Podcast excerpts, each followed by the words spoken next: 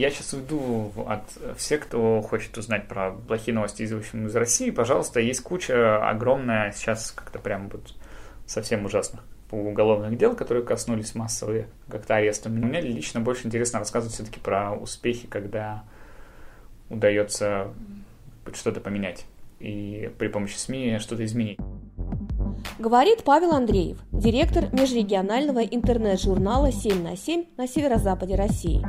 У микрофона Инна Шилина. Здравствуйте. 19 ноября в Вильнюсе 7 на 7 вручили награду Free Media Awards за уникальную командную работу и сотрудничество журналистов, блогеров, которых свыше полутора тысяч, и активистов.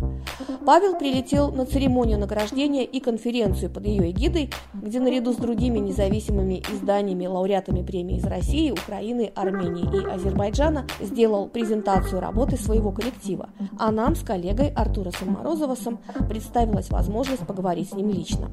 Ты вот когда приезжаешь в Литву, общаешься с людьми, как ты думаешь, э, что мы не знаем или не, не плохо понимаем про Россию? А, я думаю, что как бы главное про то, что нужно понимать в России, что это вообще очень разнообразное и сложное общество, что у нас нет э, что она более сложна, чем в советское время. То есть в советское время была некоторая партия, которая как-то указывала, и была некоторая действительно выстроенная как-то вот такая власть, э, которая работала там от Кремля и как-то и ниже. В России сейчас разные группы влияния, разные традиции в, в разных регионах. Озвучу несколько заголовков издания, которые показались тематически близкими литовским реалиям. Смоленский губернатор пообещал сохранить деревья в строящемся парке Дорогобужа. Местные жители протестовали против их вырубки. Спецпроект «Сила комиксов» интернет-журнала «7 на 7» победил в конкурсе «Смиротворец» в номинации «Родные языки». Совместный проект художника и лингвиста развивает национальные языки народов Севера при помощи комиксов. «Приходи, когда убьют». Мурманские феминистки потребовали принять закон о домашнем насилии. Ностальгия побывал в украинском поезде. Секс вместо бомб. Независимый московский лингвист по делу сети нашел в материалах обвинения не терроризм, а любовную переписку. Тем временем дело сети в лице одной из свидетельниц, которой неминуемо грозила переквалификация в подозреваемую, на перекладных за 7 месяцев доехала и до Литвы и попала на рассмотрение Литовского департамента миграции. Интервью Найла Рус, новой политической беженкой из России, выйдет уже в рамках совместного проекта «Нанук» и «7 на 7» в ближайшем будущем. Как ты думаешь, вот важно, важно это сотрудничество начинать сейчас э, вот, преодолевать вот эту сегрегацию, которая возникла на фоне там, информационной войны, там, пропаганды, там, гибридной войны и тому подобное. Важно ли сейчас начать вот именно еще вот этот разговор между СМИ разных стран? Э, я на русском языке. Да, да, конечно. Это очень важно. И вообще в целом э, ключевую вещь, которую сейчас нужно строить, это, конечно, выстраивать там сети и горизонтальные взаимоотношения. То есть, в общем, нет надежды на то, что все решится на каком-то государственном уровне, что люди там high politicians типа, встретятся и решат о том, что там, дальше все будет хорошо, в общем, что мы решим проблему и противостояние, что мы решим проблему вот с пропагандой и не будем дальше конфликтовать. Нет, такой надежды нет. Надежда только есть только на то, что вот, в общем, разные профессиональные сферы люди ну, как-то поймут, что, в общем, границы в 21 веке это уже вещь не совсем как-то актуальная, и придумают актуальную повестку для взаимодействия, и, в общем, мы будут жить в некотором как бы общем мире. Интервью с Павлом записано в гостиничном номере в старом городе Вильнюса. В гостинице неожиданно затеяли небольшой ремонт, который стал фоном для некоторой части разговора, но не помехой. Сам я из города Сыктывкар, это на севере России, в республике Коми. Столица. Ну, столица республики Коми, да. В этом плане у нас э, как-то... Ну, люди, которые приезжают в Сыктывкар, часто с, с юмором, потому что есть расхожая такая клише в, в Сыктывкаре, э, в всяких объявлениях и типа на местном телевидении, типа «Добро пожаловать, там, сыктывкарцы и гости э, столицы». И в этом плане все, кто из Москвы приезжает, в общем, особенно забавно как-то смотреть, потому что столица это, ну, там, а Сыктывкар как-то переводится с Коми, да? Да, э, но Кар вообще это город, в коме, в, на коме языке, а Сыктов это так э, называется коми-версия реки Сысала. Сколько населения в вашем городе? Где-то 250 тысяч человек. А сам по себе регион большой, так? Э, по территории очень большой. То есть там, э, допустим, на север на юг чуть ли не где-то тысячи километров, ну или очень там сравнимые по расстоянию. И там из Сыктывкара до Воркуты, допустим, ехать часов 15-20 на поезде. А населения не очень много, то есть, мне кажется, сейчас даже уже меньше, чем 900 тысяч. В общем, населения, потому что в пик был где-то было когда больше миллиона, в советское время миллион сто, но так как там это было в... Сейчас происходит сокращение за счет того, что просто закрываются шахты, так как угольная промышленность угасает, а во многом это, а, ну, вот расцвет северных городов по количеству был связан с, ну, как бы, все там было сначала это был ГУЛАГ, который был построен, в общем, железной дорогой и первый вот эти северные города, это были построены заключенными, а дальше это была угольная промышленность, куда массово тогда переезжали на строительство северных городов уже, да, 50-е, 60-е. А угольная промышленность сейчас по миру, в принципе, закрывается, и добывать уголь нерентабельно, особенно нерентабельно его добывать в, в экстремальных условиях Арктики. Вот, и поэтому, в общем, Воркута потерял там 150 тысяч жителей, там инта закрывается, Печора, и, в общем, вот, то есть, с, особенно с арктической зоны, в общем, люди массово как-то уезжают. А какие проблемы остались после там, ухода? Недавно просто я читала отзывы на нашу статью угу. про русский север глазами литовского философа.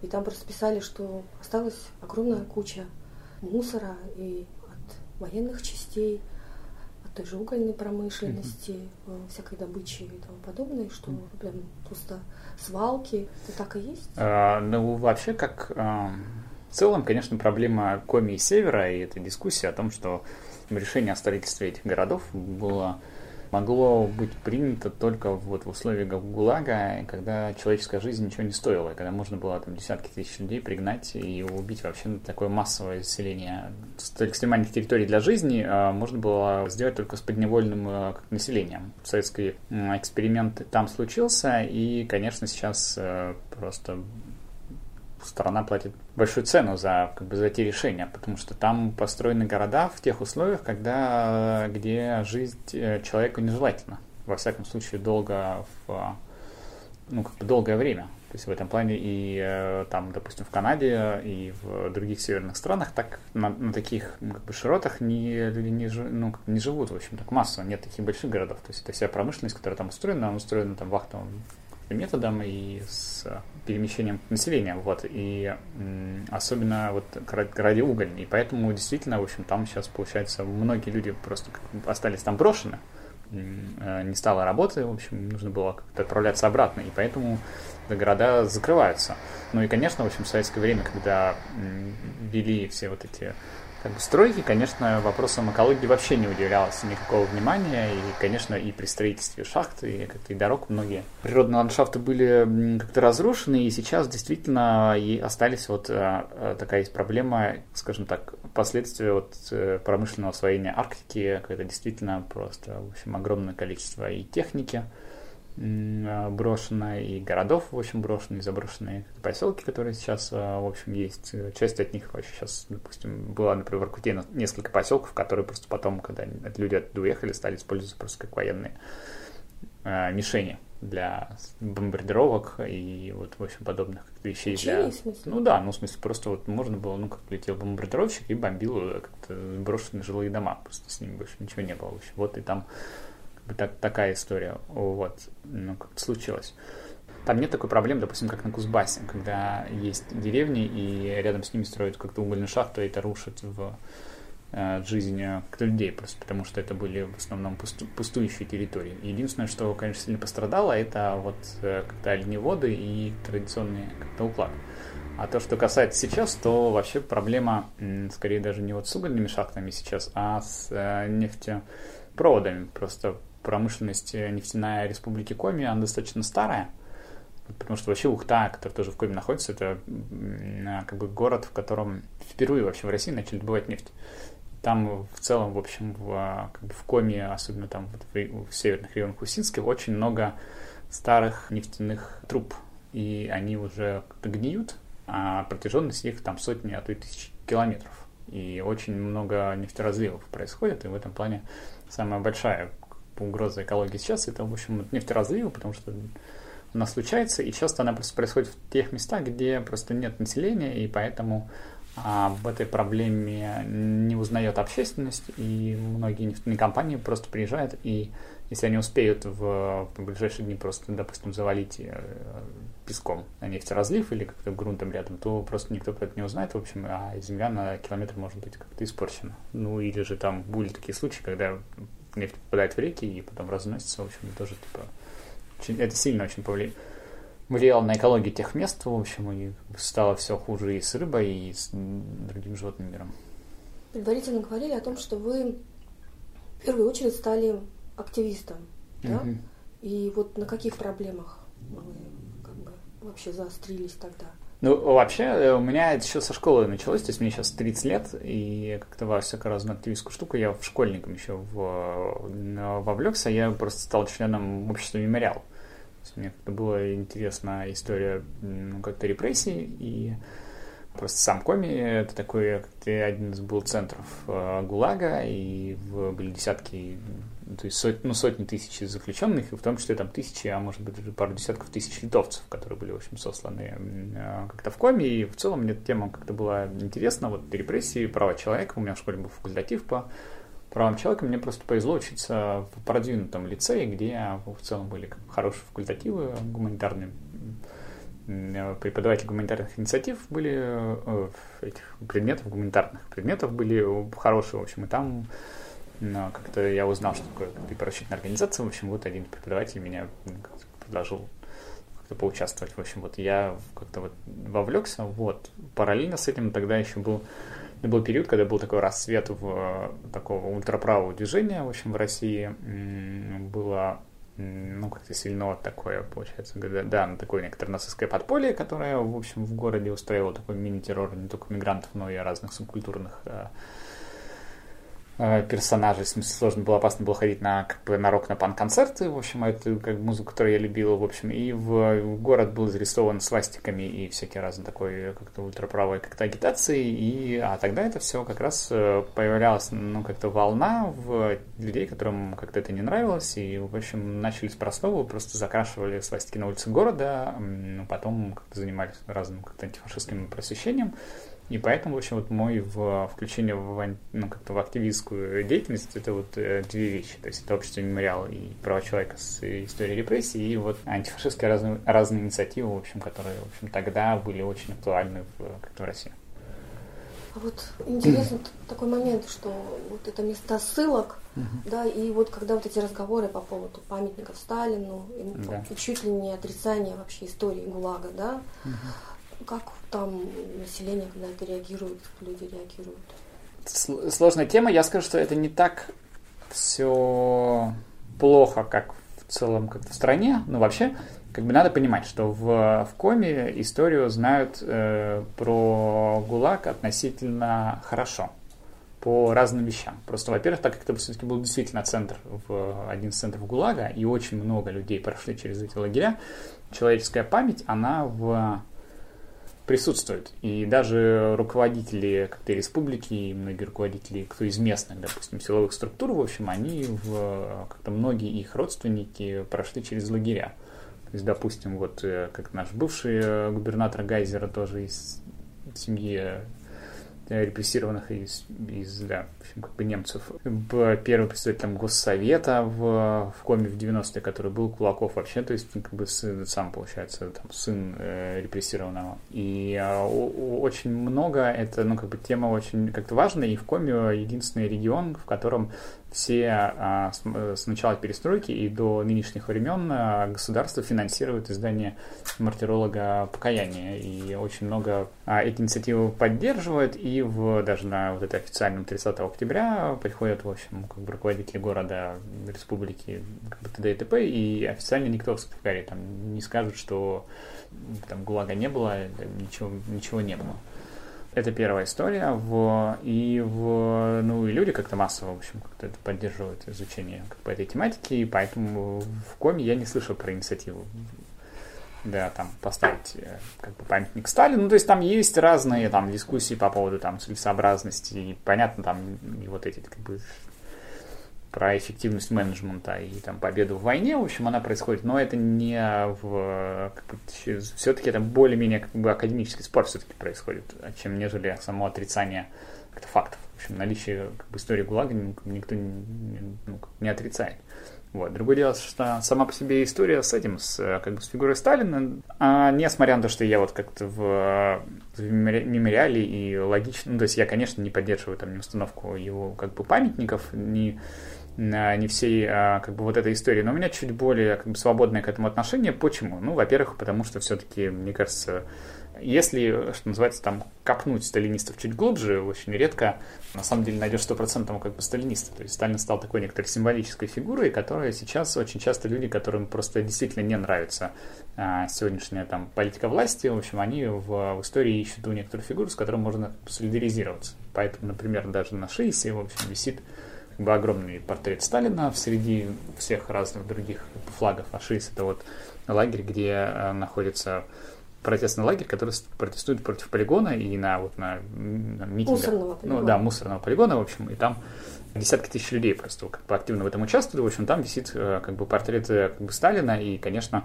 при этом эти же самые люди, э, которые, получается, стоят под портретом Сталина, в общем, протестуют против как бы репрессий, незаконных судебных процессов, которые против же происходят. В общем, и происходит такая некоторая как бы эклектика связанные с вещами. То есть, когда за некоторым символом э, на самом деле нет того содержания, которое он, по идее, должен себе как бы олицетворять.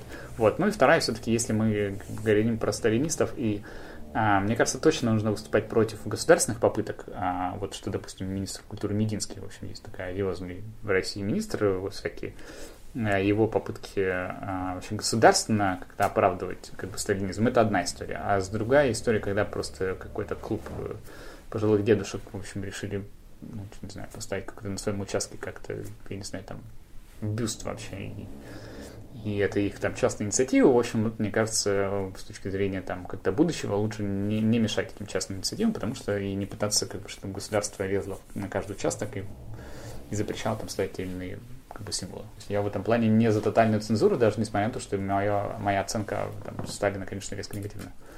Вы стали активистом в довольно юном возрасте.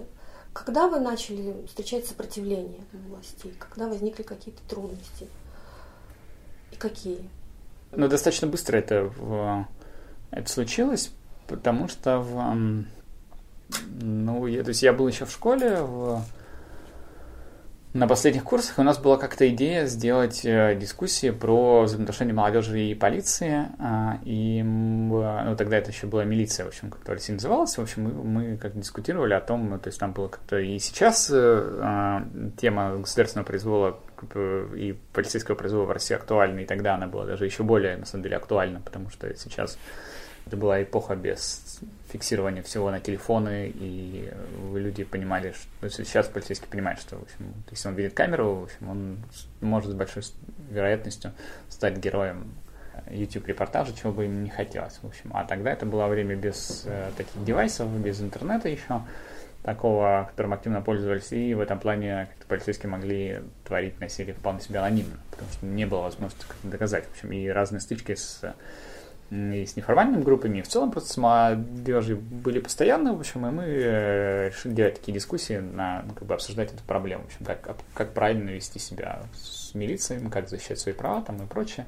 Ну, как-то ему начали звать в ну, как поначалу даже звать им как-то и милиционеров, чтобы они принимали как-то в этом участие, и как бы, они в основном игнорировали, а потом как-то решили сделать вообще городскую дискуссию, в общем, договорились с одним кафе, что они сделают, ну, как бы дадут площадку, да, что мы сделали такую дискуссию, в общем, типа вообще городское ток-шоу. И в, в итоге она потом отменилась что-то за пару дней, потому что милиция не то чтобы отказалась как-то прийти, в общем, а там какой-то, в общем, из чинов прям позвонил, в общем, в этот как бы кафе и прям запретил им там, проводить такую дискуссию, в общем. И это была как, прям такая первая история. При этом, опять же, я скажу, что нет, вообще как бы в целом, э, как бы Коми очень спокойный э, регион и достаточно в этом плане как свободный, то есть для понимания. То есть у нас, например, коррупции на уровне там гаишников э, как бы нет и практически никогда не было. То есть, в общем, и у нас не дают взятки, не принято давать взятки ни милицейским, ни ни врачам, а, как бы, ни учителям, что, допустим, является типичным а, в южных как-то регионах. И вот вы занимались активизмом. Угу. Сколько лет примерно, пока вы дошли до 7 на 7. Ну, э, там была какая история, то есть, если я бы шире сказал про журналистику, вообще в как-то вовлекся в журналистику тоже очень рано, потому что еще в школе, когда тоже учился, в общем, у нас была школьная газета, и я в какой-то момент стал редактором школьной газеты, в общем, так и делал сперва школьную газету, а потом на первом, втором, третьем курсе мы делали студенческую газету с э, одногруппниками во многом, ну, как-то и, и с друзьями. А потом э, 10 лет назад, получается, это был, я был где-то на третьем или четвертом курсе, в общем, вот были два предпринимателя, один Леонид Зильберг, в общем, все еще в нашей команде второй человек, он, к сожалению, уже умер, которые решили финансировать новые СМИ, потому что они, в, а, ну, как-то последние независимые газеты как-то в Сыктывкаре закрылись, они, в общем, искали новую команду. По какой кому... причине они закрылись? Ну вот та прошлая газета, она закрылась по простой причине, что у нее был э, основной спонсор был э, один предприниматель местный, и он э, просто э, ему местные власти предложили войти ну, как-то во власть, стать, стать чиновником, и, в общем, получил хорошую должность, а он всегда мечтал, несмотря на то, что он был успешным предпринимателем, э, всегда был, ну, как-то мечтал работать в госуправлении. И частью сделки по его назначению было то, что он перестает финансировать независимую газету, и поэтому, в общем, она закрылась, и эти два человека решили профинансировать новый медиапроект, искали новую команду, и э, так как они тоже были членами мемориала, в, то есть не просто как бы с деньгами, но еще идеологически мотивированные, как бы ценностно мотивированные, они в, предложили мне и моему другу ровно потому, что мы типа делали студенческую газету до этого, а не искали какие-то новые как подходы. В общем, вот предложить нам заняться новым медиапроектом. То есть они в хотели... году все произошло? Это был, э, запустился в итоге в 2010 году, был запуск, а разговоры начались с конца 2009, я, если я правильно помню. И вся история была в том, что изначально хотели делать газету, но вот как-то в ходе дискуссии как-то удалось убедить, что в общем, 10 год уже делать газеты не актуален. Давайте делаем что-то в интернете, и это должен быть скорее некоторый веб-проект. В России был такой расцвет э, благосферы, пик популярности живого журнала, была такая платформа для блогеров, которая была очень такая свободным сам издатом, и очень все люди, которые так или иначе вовлечены были в политическую или в общественную жизнь, как минимум читали, а, а многие из них и вели свои собственные дневники. В общем, вот э, Считалось, что вот благосфера — это та некоторая новая среда, которая в, принесет новых авторов, новых э, членов, как получается, гражданского общества. Ну и, в общем-то, это будет та площадка, которая, в общем, породит новое поколение людей, которые, в общем, как-то изменят дальше страну в, в более свободную сторону. Вот. И поэтому как-то идея сайта была то, что мы создадим локальную блок-платформу для, в общем, сыктывкарцев, которые могли бы там публиковаться наравне с профессиональными журналистами. В общем, и вот такой, э, как-то тогда слово гибридный мы не знали, но, в общем, в проект, который совмещает на себе и профессиональную журналистику, и гражданскую журналистику, он в общем, был запущен, и так э, года два он стал популярным относительно в Сыктывкаре, и нас как-то заметили в других регионах, стали звать просто на разные типа, конференции, которые были про IT и про новые медиа, и мы там начали делать презентацию своего опыта, и к нам стали подходить просто разные коллеги, журналисты из других регионов, в которых тоже не было свободных СМИ, либо они были очень как-то слабые, и с предложением сделать что-то и с ними тоже, в общем. И так мы постепенно из э, локального издания превратились в, ну, в сайт, который работает сейчас почти в 30 регионах. Вы были активистом, а потом а потом как-то вот вы все-таки пришли в журналистику, да? А пришлось от чего-то отказаться. Не было ли конфликта между активизмом и журналистикой? Э, конфликт был, он конфликт все еще остается. И а, как это история? Ну, вообще, то есть я сам в журналистику особо не пришел. То есть в этом плане мы когда честно запускали сайт, в общем, мы все люди, которые запускали сайт, тогда не были журналистами, это были вот скорее активисты, и все они были, их нас объединял общество мемориал и э, некоторые просчетные ценности. И мы сайт сразу сделали как некоторый инструмент, который будет позволять э, как-то активистам менять страну в, как в лучшую сторону, знакомиться, информировать там, и т.д. и т.п. И, а, но при этом мы сразу понимали, что вот журналистику, которая должна быть на этом сайте, она должна быть независимая, профессиональная и делаться по журналистским стандартам. Просто участие в медиапроекте для меня лично, конечно, накладывает а, скорее ограничения чем некоторые дополнительные возможности. А, то есть я сейчас понимаю, что представляя в, во многом медиа, я ограничен, допустим, в высказывании своих политических взглядов и в политической активности уж точно. То есть я считаю, что, наверное, это будет вредно как для имиджа издания, допустим, выступать на митингах как э, публичный оратор. И уже не говоря про участие в разных выборных э, процессах, либо открытом поддержке каких-то, не знаю, политических кандидатов или, или партий. В общем, это то, в чем приходится себя сейчас как бы ограничивать, понимая о том, что ну, как бы оценивают э, не только меня лично, но и в целом как издание. Если я сейчас ничего не путаю, я запомнила твои слова вчера по направленность вашего медиаресурса защищать, освещать, просвещать. Я правильно помню? Или... Так скажу, да. Защищать, э, просвещать, вдохновлять. Вдохновлять. Мне казалось, что я в прошлый раз записала, даже записала. Освещать, информировать имею в виду. Ну, прос, да, защищать, просвещать, Чего больше в процентном соотношении? То сейчас больше, конечно, защиты. А можете назвать какие-то конкретные примеры? Про каких-то людей рассказать случаи? У нас была в прошлом году история с, э, в Карелии, где в одном из небольших поселков решили закрыть э, детский сад. Некуда было просто детей как-то сдавать. В общем, и, и женщина из этого поселка написала как-то губернатору в, социальных сети, типа, говорит, а что же мне, типа, нам делать завтра? Ну, губернатор как-то в достаточно грубой форме ей как-то ответил. Э, смысл слов был такой, ну, у вас муж есть, пусть он, короче, и, и разбирается. Говорит, что вы мне пишете по этому поводу? Вот. И мы сделали на основе этой новости, и случился очень большой э, скандал по итогам. То есть нас поддержали разные другие издания, и случилось очень большое внимание к этому к этой, к этой истории, и на следующий же день губернатор поменял мнение, в общем, он э, решил съездить в этот поселок, в общем, поговорил с женщиной вновь уже нормальном, спокойном, мягком доме, и они нашли решение, как, в общем, в этом поселке все-таки восстановить, ну, как-то сохранить детский сад, и они сделали какой-то такой экспериментальный детский сад на основе, ну, в общем, ну, в общем, короче, детский сад там сохранился в какой-то ну, форме, ну, и... Защита, защита общественного интереса, да? Да, да, вот так, и, и такие истории относительно регулярно происходят, то есть вот можно, бывает, например, какие-то, особенно они часто бывают в отдаленных селах, например, мне кажется, это было в Рязанской области, у нас была история, когда в там э, село, в котором живут э, в основном пожилые люди, в общем, там почему-то перестал приезжать туда в э, лавку с продуктами, и единственная возможность, которая, в которой можно было бы купить продукты для жителей этого села, и вот после нашей публикации, в общем, когда мы про это написали, в общем, она стала вновь туда проезжать, в общем, и люди там не умерли как-то с голоду, вот. Это как-то разные мелкие вещи, а вот, допустим, из больших, а, вот очень большая была победа гражданского общества в, в Кузбассе, в, мне кажется, было в этом году.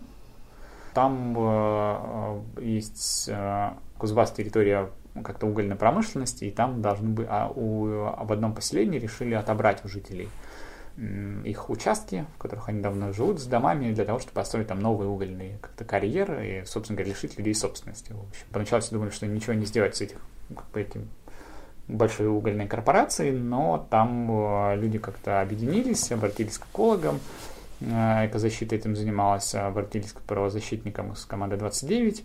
Мы вместе с ними тоже участвовали и делали туда блок-тур, привозили журналистов, которые освещали всю вот эту как-то историю с строительством угольных карьеров. И э, несмотря на то, что никто не верил, вот э, суд все-таки принял решение, на, став на сторону не компании с многомиллиардными э, бюджетами, а на стороне простых жителей и отменил решение про отъем у них земельных участков, в общем, и сохранил их поселок, собственно говоря, их и их землю, в общем. И это такая некоторая была очень большая недавняя победа, и, в общем, всегда приятно таким наблюдать.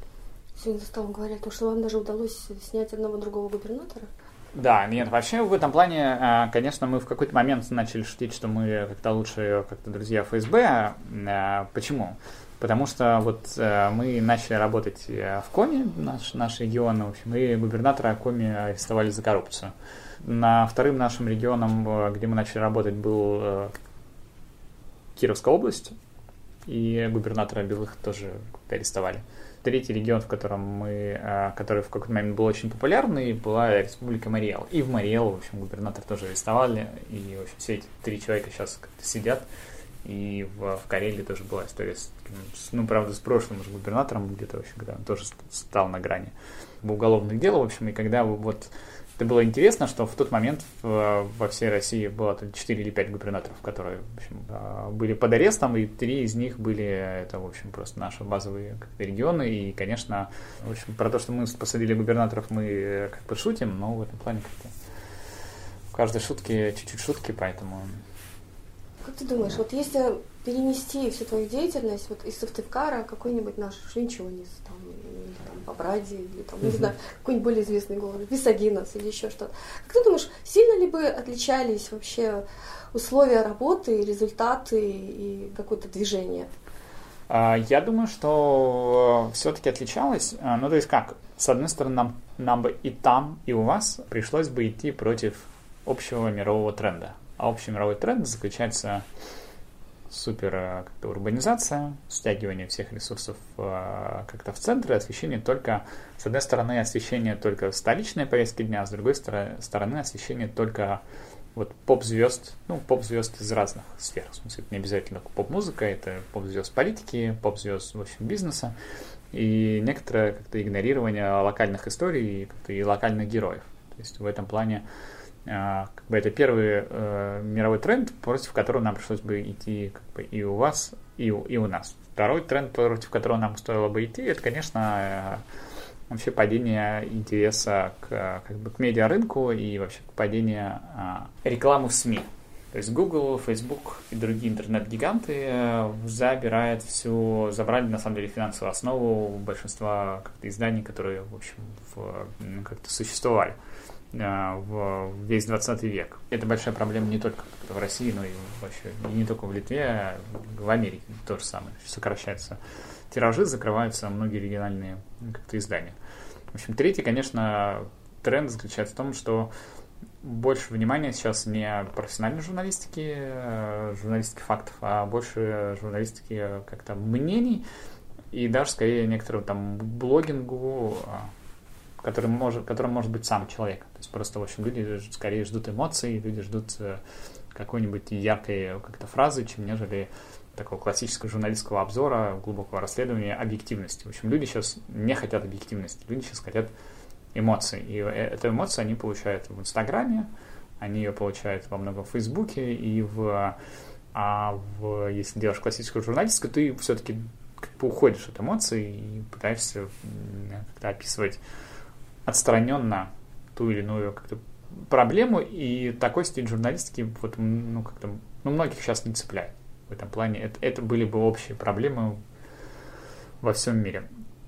А, но в России есть э, как бы отдельный ну, дополнительная проблема появляется. Это некоторые, да, некоторые политические факторы, когда в если ты независимое издание, тебе не то, что не будут помогать, просто сейчас тебя будут работать. В России выбрана э, основная стратегия, это, конечно, в экономическое давление на тех, кто делает журнал. То есть это и, и независимые другие медиа. Это, конечно, давление на спонсоров, на рекламодателей, это, это большие штрафы и очень много дополнительных накладных расходов. То есть, когда нужно вести очень строгую бухгалтерию, когда нужно очень много работать с э, юристами, очень часто приходится судиться с э, Роскомнадзором, и это все отнимает ресурсы, и на самом деле с точки зрения, в общем, как-то российская медиа, бизнес превращен в очень плохой как-то бизнес, э, потому что правила слишком много меняется и слишком большие риски.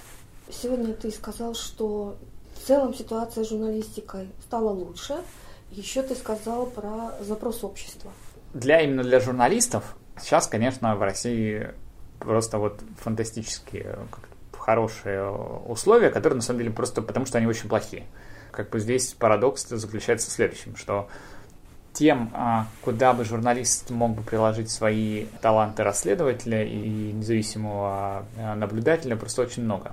Правда, в России классические СМИ а, перестали делать именно журналистскую работу и превратились в инструмент как-то пропаганды, и поэтому, несмотря на то, что в, в России тысячи и тысячи людей, которые якобы работают в журналистике, на самом деле в журналистике как-то не работают, занимаются пропагандой или рекламой на разных уровнях, от федерального до, в общем, обслуживания интересов какого-нибудь руководителя там поселка, в общем, который финансирует там, единственную местную какую-нибудь районную газету. И в, в этой ситуации, когда вот классическая журналистика в России во многом отказалась заниматься журналистикой, в общем, у независимых журналистов просто огромный простор для работы. и можно делать, в общем, как-то расследование, и примеров коррупции в России огромное количество, и про все это дело можно писать, и многие расследования вызывают интерес, собирают на YouTube миллионы просмотров, тысячи, десятки, сотни тысяч прочтений в, в текстовом, в общем, варианте, и люди читают эти материалы, как-то делятся ими, и, и пожалуйста, в общем, то есть очень много пространства для работы. В этом плане, я говорю, хорошее, и мы действительно видим, что все-таки российское общество меняется в разных совершенно регионах, когда люди перестают быть просто пассивными наблюдателями, а начинают э, вовлекаться в разные гражданские инициативы и отстаивать свои права. И это мы видели массовые протесты вообще сейчас по всей стране на совершенно разные тематики, будь то изменение границ региона в Ингушетии, либо же незаконное строительство храма в Екатеринбурге, либо же вот опять же проблемы с вот этим огромным мусорным полигоном в Архангельской области. То есть люди, в общем, как-то массово начинают э, выступать в защиту своих прав, а для того, чтобы защищать защиту своих прав, им нужно получать информацию, и, и люди как начинают как бы активнее читать э, независимые издания, и главное делиться материалами в соцсетях, в Фейсбуке, своими друзьями. В общем, в этом плане, конечно, запрос есть. В общем, те люди, которые сейчас пишут действительно важные социальные темы, они, конечно, получают очень большой за поддержку, как минимум, моральную своей работы. А есть такое понимание среди местного населения, что вот мусор, шиеси, да, правильно сейчас Шиес, да. да, это часть мировой проблемы экологической или это просто такая локальная проблема? Это воспринимается как проблема госуправления, которые не хотят э, решать современными способами мусорную проблему с которой, в, несмотря на то, что есть уже разные там, технологии и снижение количества мусора и их а, как-то переработки, решают проблему очень по старинке. То есть найти большую яму и туда все свалить. Это началось тайно, подпольно, без каких-либо слушаний. Просто появились в лесу строители начали строить огромный полигон, никому ничего не объяснили, и сейчас уже год ведется стройка, и стройка ведется там без документов. Потому что если бы там действительно они все делали по очень хорошим технологиям, они бы это делали открыто, и все бы проекты были презентованы. Но сейчас уже год прошел, когда идет эта как-то огромная стройка и насыпана, в общем, огромная куча там щебня и песка, и вырублено большое количество леса, которые там только мелкая часть с потенциально большого полигона. И никто не показал утвержденный там план строительства. Поэтому просто люди понимают, что хотели сделать просто по-тихому в лесу, под шумок огромную свалку, и, и люди в, в Москве будут на этом получать э, просто миллиардные как бы, доходы, а в, люди вот, вот в Архангельске и в Коме получат в общем, многомиллионную тонн свалку. На самом деле, во многом еще психологический такой момент. Как бы Коми, Архангельск, это как бы северные территории, в общем, с которых э, действительно выкачивается огромное количество ресурсов. То есть, в общем, люди видят, что рубят рез, он идет в доходы, получают в московские и международные корпорации, что добывается нефть, э, газ. Вот ровно этот полигон находится на нефть, ну, просто в нескольких километрах от э, крупнейшего газопровода из Ямала в Европу. То есть основа российской экономики делается вот в этих местах, где будет свалка. Но люди, уровень жизни этих людей, которые там живут, там очень низок. И они видят, что э, вот рядом по газопрому идет просто миллиарды денег в Москву как-то и далее, а в ответ, что предлагается этим жителям, не повышение качества жизни, а предлагается э, из, из столицы свести в мусор. И это в этом плане, конечно, ну, просто людей оскорбило действительно. А что бы повысило уровень жизни людей? Общественные услуги какие-то или что-то? Не, ну в России, конечно, в, в России должна снова стать нормальной как-то федерацией. И в, в России сейчас э, во многих ключевых сферах просто уничтожена конкуренция. Происходит такая некоторая монополизация, ну, в общем, со стягиванием экономических интересов в один город. И главное, не то, что в один город, а в интересах нескольких просто семей и кланов – параллельно с этим, да, уничтожается просто всякая как-то разная конкуренция, и происходит такой некоторый отрицательный э, отбор в, в госуправление. То есть, в общем, на хорошие позиции получают не те, кто достоин э, и не по как-то знаниям, а по э, лояльности. Ну, то есть вернуться к вашему медиаресурсу, какой все-таки рецепт того, чтобы взять и создать региональные медиа. Потому что вот мы вчера делились, у нас mm-hmm. с этим довольно все пассивно. тихо, и может быть только какая-то одна единственная инициатива приходит из Клайпеды, там это Киде, да, а, например, в каких-то там, восточном, восточном регионе, там у нас, в принципе, вообще очень все тихо и глухо. Тоже добавил бы свой вопрос, то есть как важны регионы э, в карте журналистики, mm-hmm. и тоже вот, что иногда спросила, то есть как создать такую, как может существовать такое издание. Как бы, ну, с меня бы очень глупо, если честно, давать какие-то советы, в общем, как литовским региональным журналистам, но в, в этом плане, на чем мы сделали надежду, это, конечно, гражданская журналистика. То есть, когда ты можешь не иметь журналистов в каждом регионе, но там есть просто активные жители, которых волнует проблемы своих э, городов, сел, в общем, они могут написать в блог и описать эту проблему. И я думаю, что заключается, мне кажется, наша задача в том, чтобы в целом просто продвигать идею некоторой объективности и репутации, и, в общем, вот следить за репутацией. То есть, потому что мы должны некоторых продвигать идею о том, что люди должны ответственно подходить к тому, что они как-то говорят. В этом плане быть э, как-то примером ответственного отношения как бы к слову. И в этом плане, если э, действительно там не будут каких-то в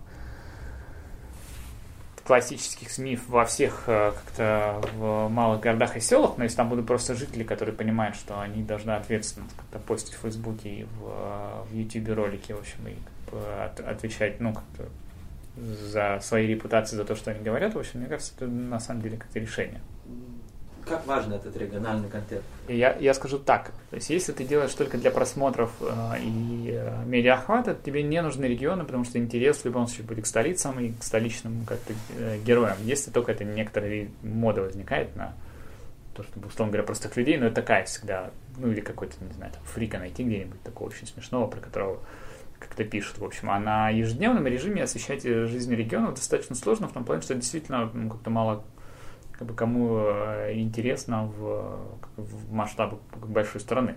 Но в, э, плюс для как-то России заключается в том, что в, территории большие и многие регионы очень изолированные от э, друг от друга. И когда люди, когда далеко друг от друга находятся, в общем, вот в этом удаленном как бы городе или регионе, ну, происходит свое некоторое сообщество формируется, которым, которое живет своей жизнью, в общем, и, и этому сообществу нужно некоторые издания, которые пишут именно про них.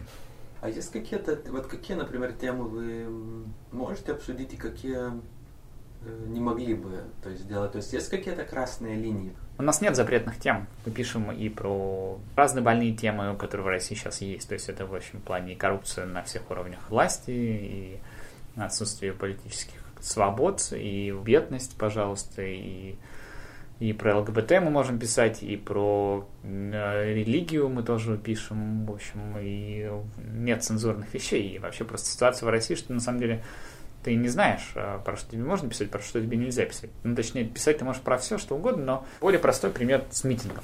Там, тысяча человек может пойти на какой-нибудь несанкционированный властями митинг вообще. Из них это совершенно не значит, что все тысячи человек получат уголовные дела вообще может никто не получить. А может быть, случайно 10 человек выберут, три из них там сядут, 7 из них получат штраф, а для 900 что-то там, для всех остальных никаких последствий не будет. Или там 2000 человек могут сделать там какой-нибудь критический твит вообще написать, из них там большинству ничего не будет, там, а трое человек получат штраф от Роскомнадзора.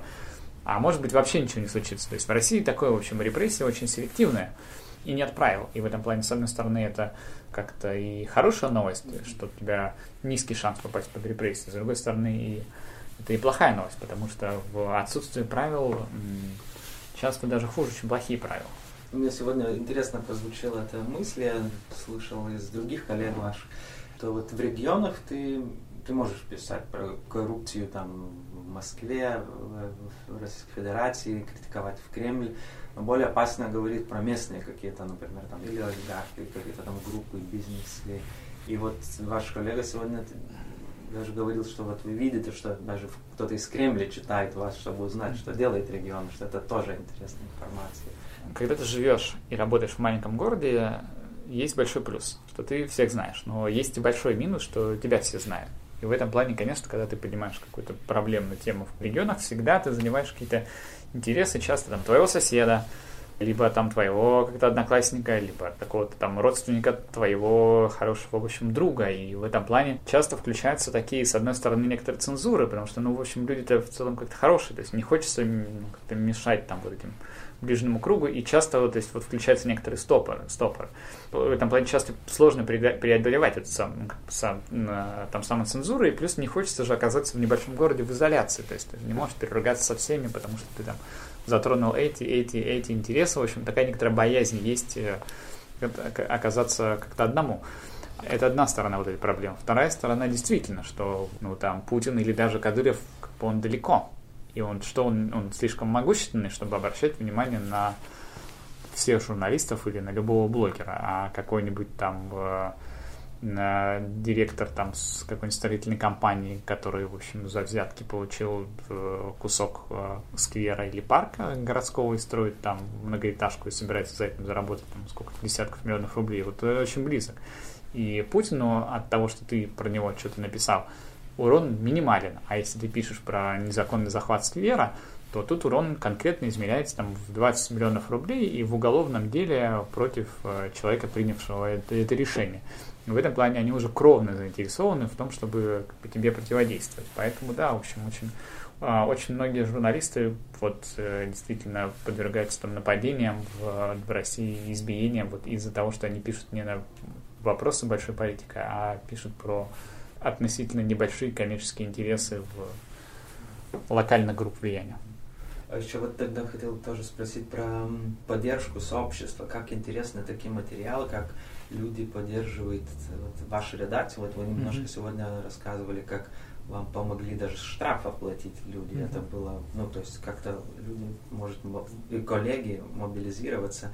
И тоже идея краудфандинга. Нас обвинили в пропаганде в употреблении наркотиков и получили очень большой штраф в 12 тысяч евро. И э, у нас был единственный вариант э, заплатить штраф, если нам э, как-то просто люди пожертвуют на его оплату, потому что очень большие деньги, и мы, нам удалось собрать э, эту сумму за 28 часов. Все очень быстро. То есть мы просто опубликовали а, такое видеообращение от моего лица было, что типа, помогите нам, вот у нас такая ситуация случилась, и мы увидели, что наши читатели, наши блогеры, разные наши как-то партнеры из разных мест, как и, условно говоря, там, как и из НКО, который там защищает свободу слова, так и совершенно НКО, ну, как бы от организаций, которых не, не ожидаешь. То есть, в общем, допустим, у нас там один из жертвователей был э, там как бы член э, как-то Единой России из одного из регионов, который написал, что типа я с вами не согласен по многим позициям, но, в общем, случившиеся беспределы, в общем, вот вам, вот вам 150 евро там перевел, то есть не маленькая сумма была типа вот на поддержку того, чтобы вы существовали, в общем. И мы э, вот тогда, год назад, увидели такую прям вот массовую такую некоторую солидарность, когда люди делились видео, призывали как нас поддержать и э, действительно как бы кидали деньги. И вообще, я думаю, что на самом деле краудфандинг, фандрейзинг – это вообще будущее как-то СМИ, и потому что мы должны все вместе прийти к тому, чтобы читатели напрямую давали нам деньги. Потому что то, что мы делали там раньше, я имею в виду СМИ, СМИ занимались тем, что они перепродают своих читателей. То есть мы собираем аудиторию и продаем их рекламодателям. То есть в этом плане они реклам... ну, то есть, в общем, третий человек платит за информацию. А сейчас рекламодатели напрямую могут общаться с как бы с читателем, и в, с, потому что они сами создают свои медиа как-то рекламные продукты. И в этом плане реклама в СМИ сейчас как-то умирает, потому что реклама достаточно и, и в других источниках, в общем. Поэтому мы сейчас можем, в этом плане это нас несколько освобождает, журналистов, что мы мы не должны сейчас делать рекламные штуки, мы должны сейчас делать только тот контент, который нужен и интересен нашему читателю, и мы должны придумать свои инструменты, как читатель напрямую нам захочет и, и сможет заплатить. Подкаст «Найла.ру» существует за счет своих слушателей. Если и вы хотите поддержать его, присоединяйтесь на patreon.com на нук мультимедиа.